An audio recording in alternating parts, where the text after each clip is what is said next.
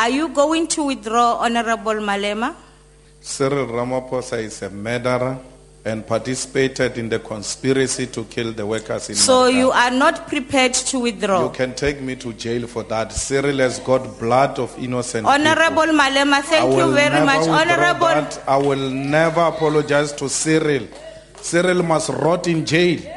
He's a murderer.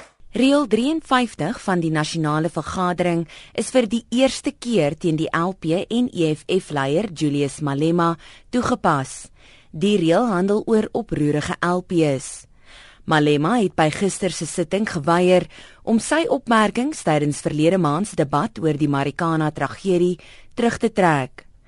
Die voorsitter, Matlala Borotho, he, Honorable Malema further said, Mr. Cyril, worker murderer Ramaphosa, played a central role in influencing the police.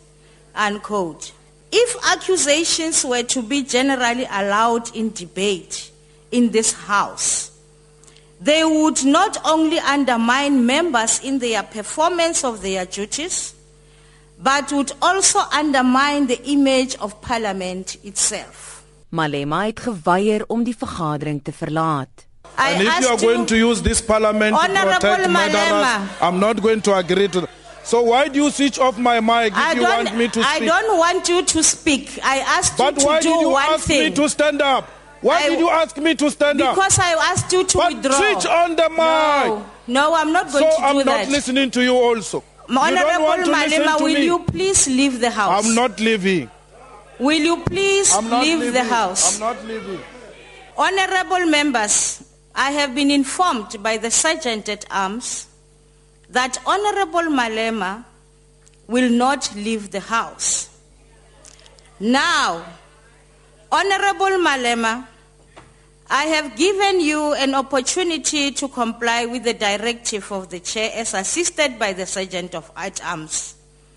As this conduct is now interfering with the ability of the House to conduct its business, I now call upon the Parliamentary Protective Services to assist the Sergeant of Arms to remove the member from the chamber so that House can proceed with its business. Malema is vir 5 dae uit die nasionale vergadering geskort. Hierdie verslag van Abongwe Kobokana in die parlement. Ek is Melissa Tuggie vir SABC nuus.